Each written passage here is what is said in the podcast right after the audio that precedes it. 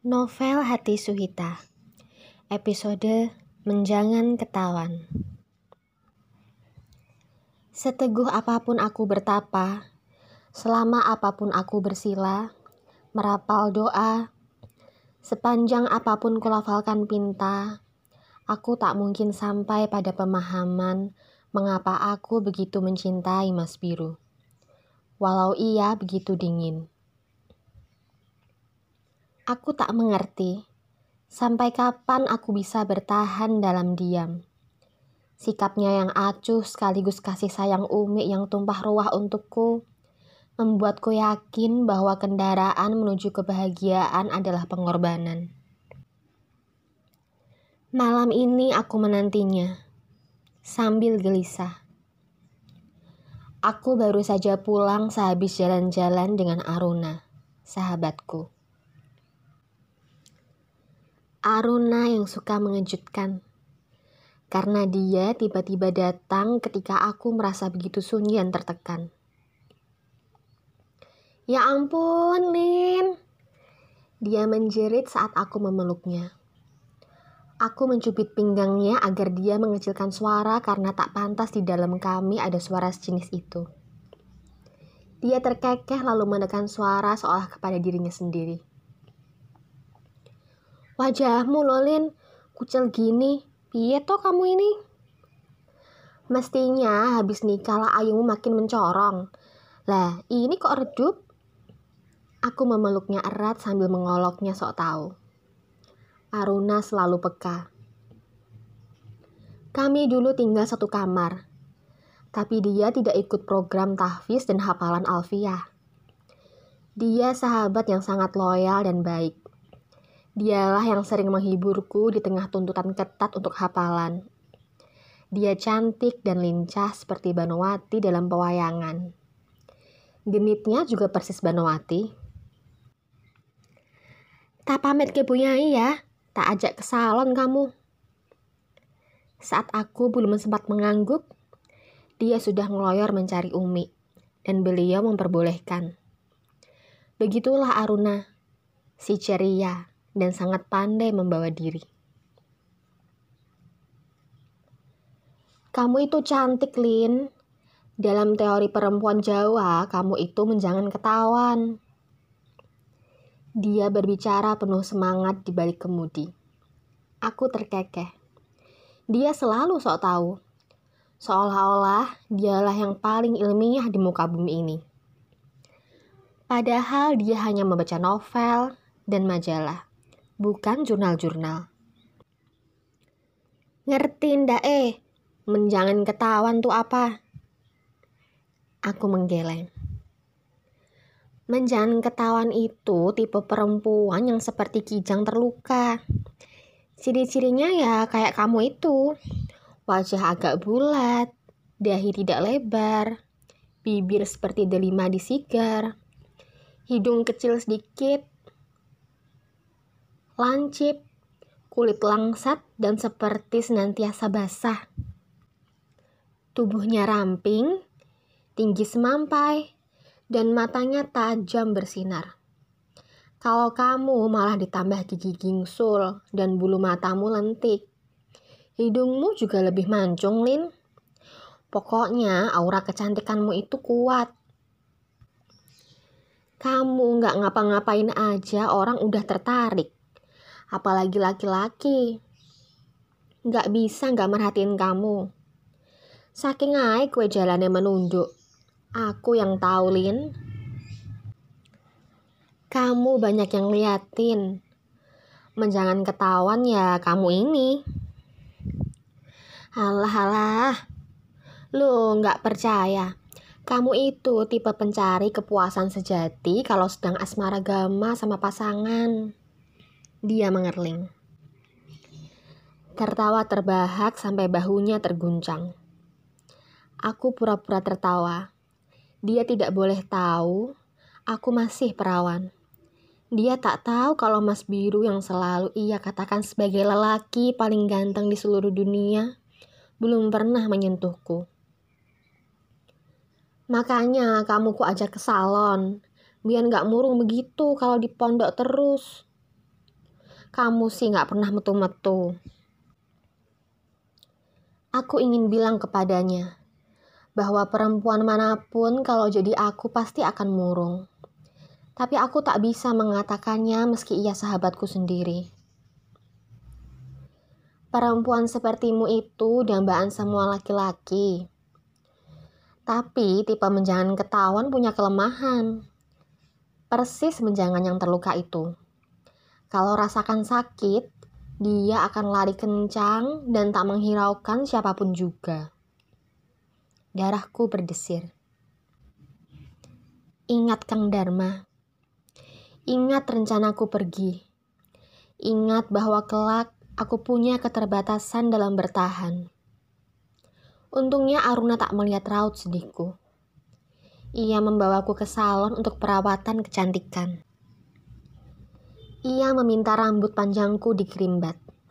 Lalu kami pedicure, manicure, memakai lulur yang tak ku tahu namanya.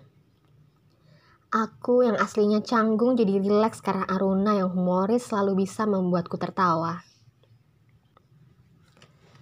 Saat perawatan kami sampai ratus untuk kewanitaan, aku baru sadar kalau ia memesan paket perawatan pengantin. Eh, dan dia. Ia tak tahu bahwa yang dilakukan ini sia-sia.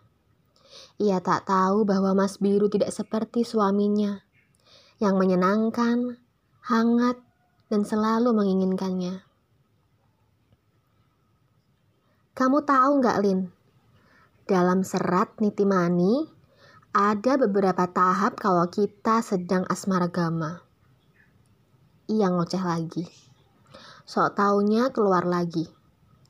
Aku pura-pura antusias. Pertama, asmara nala. Sengseming mana landasan kuat cinta kasih. Itu yang membedakan kita sama makhluk lain, Lin kalau kita harus pakai landasan cinta. Aruna tak tahu kalau Mas Biru tidak mencintaiku. Kedua, Asmara Turo. Sang Semeng Pandulu. Kebanggaan dalam melihat. Jadi bangga gitu Lin dalam melihat pasangan. Aruna tak tahu. Mas Biru tak pernah melihatku. Ketiga, asmara turida. Seng semeng pamirengan. Kesenangan dalam mendengar.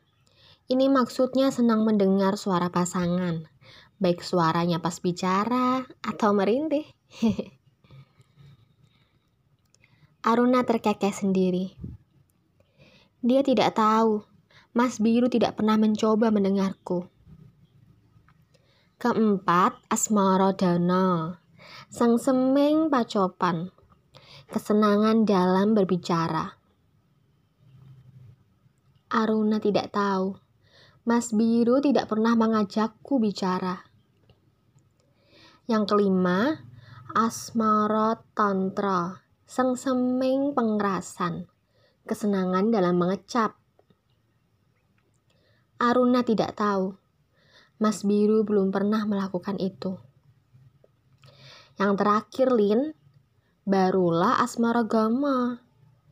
Olah asmara.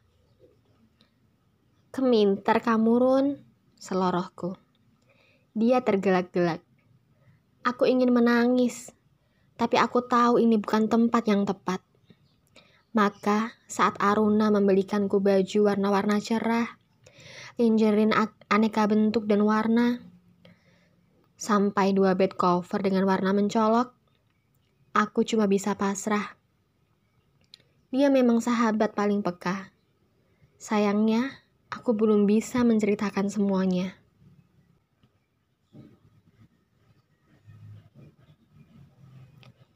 Mas Biru datang, menutup pintu pelan, dan kaget melihatku sudah membuka jilbab. Sebab inilah untuk pertama kalinya Aku tidak tahu dorongan apa yang membuatku berani. Mungkin karena rambutku lembut dan harum, atau aroma terapi yang menenangkanku, atau mungkin aroma lulur yang meruap dari sekujur tubuhku. Entah kenapa aku merasa cantik dan percaya diri. Dia membuka kancing bajunya, lalu duduk di sofa, menatapku. Aku tidak mampu mengartikan itu tetapan apa. Pandangan matanya berpindah ke spray kamar hadiah Aruna dengan warna merah menyala. Aku mengangsurkan air putih hangat dan dia menerimanya. Aku kaget, karena ini untuk pertama kalinya Biasanya dia memintaku untuk menaruhnya begitu saja. Sudah sholat? Ia bertanya lirih. Seperti kepada dirinya sendiri. Aku gelagapan karena ini juga untuk pertama kalinya. Biasanya dia tahu aku belum sholat kalau aku menunggunya sambil memakai atasan mukena. Sampun, Jawabku sambil tersenyum. Dia masuk kamar mandi, menyalakan shower. Aku menantinya dalam debar-debar aneh, lalu mengingat ucapan Aruna soal menjangan ketahuan. Aku menutup jendela, ragu mematikan lampu kamar atau tidak, ragu menyetel TV atau kubiarkan hening ragu menaikkan atau menurunkan suhu udara. Aku berdebar-debar. Saat bunyi showernya berakhir, aku bahkan bisa mendengar tek jantungku sendiri. Dia berdiri di ambang pintu kamar mandi, menekan kaki basahnya pada keset yang sudah kuganti baru, sambil mengusap rambutnya pakai handuk. Kulihat bulu dadanya berkilat-kilat ada rasa yang tiba-tiba hangat menjalar di pusat tubuhku. Ia menyambirkan handuk di leher, lalu mendekat ke arahku. Ujung handuknya yang basah menyentuh ubun-ubunku. Ia membungkuk, mengambil remote AC. Aku sudah siap dengan kemungkinan-kemungkinan indah yang akan terjadi. Aku sudah berani menatap matanya saat ia mencuri pandang. Aku sudah siap berjalan ke sofanya untuk belajar membuka percakapan. Lalu, semuanya buyar karena telepon berdering. Dia keluar kamar, berbicara sambil berbisik. Melihat lamanya telepon, aku sudah bisa memastikan kalau itu Rengganis. Aku lemas dan menangis dalam kebisuan. Aku tak tahu apa yang harus kulakukan. Saat dia masuk kamar, ekspresinya sudah berubah. Dia bergerak pelan mematikan aroma terapi, lalu mendekat dan berkata lirih, Kamu gak perlu susah payah begini. Aku belum tahu kapan. Aku langsung lemas belum pernah aku rasakan sakit seperti ini. Penolakannya yang terang-terangan membuatku merasa terhina seperti Sarpa Kenaka yang ditolak oleh Lesmana. Hatiku terasa porak-poranda, melebihi perang mana pun. Apalagi saat ku ingat apa-apa saja yang sudah kulewati bersama Aruna siang tadi. Aku mengambil jilbab kaosku, masuk kamar mandi dan menukar gamis lalu keluar kamar dan menangis sejadi-jadinya. Ada dan tiada aku sama saja. Aku tak bisa menggapainya. Malu, nelangsa, dan kacau bercampur jadi satu. Aku berencana ke Pondok Putri untuk memanggil salah satu anak yang dititipkan oleh Kang Dharma. Aku ingin meminta nomor telepon Kang Dharma. Aku ingin menghubunginya. Tapi tiba-tiba aku ketemu Umi yang keluar kamar karena ingin mengambil air putih. Padahal aku tahu, kepadanya lah tangisku bisa mereda. Aku berbalik ke dalam ruang tengah setelah meyakinkan Umi bahwa tangisku adalah sebab aku nonton sinetron. Beliau terkekeh. Saat beliau masuk kamar, aku melangkah ke ruang tamu. Tepekur di sebuah sudut, sendiri, gelap, dan sunyi. Tak seorang pun yang bisa menghentikan tangisku. Rupanya Mas Biru mulai mengusik batas kesabaranku.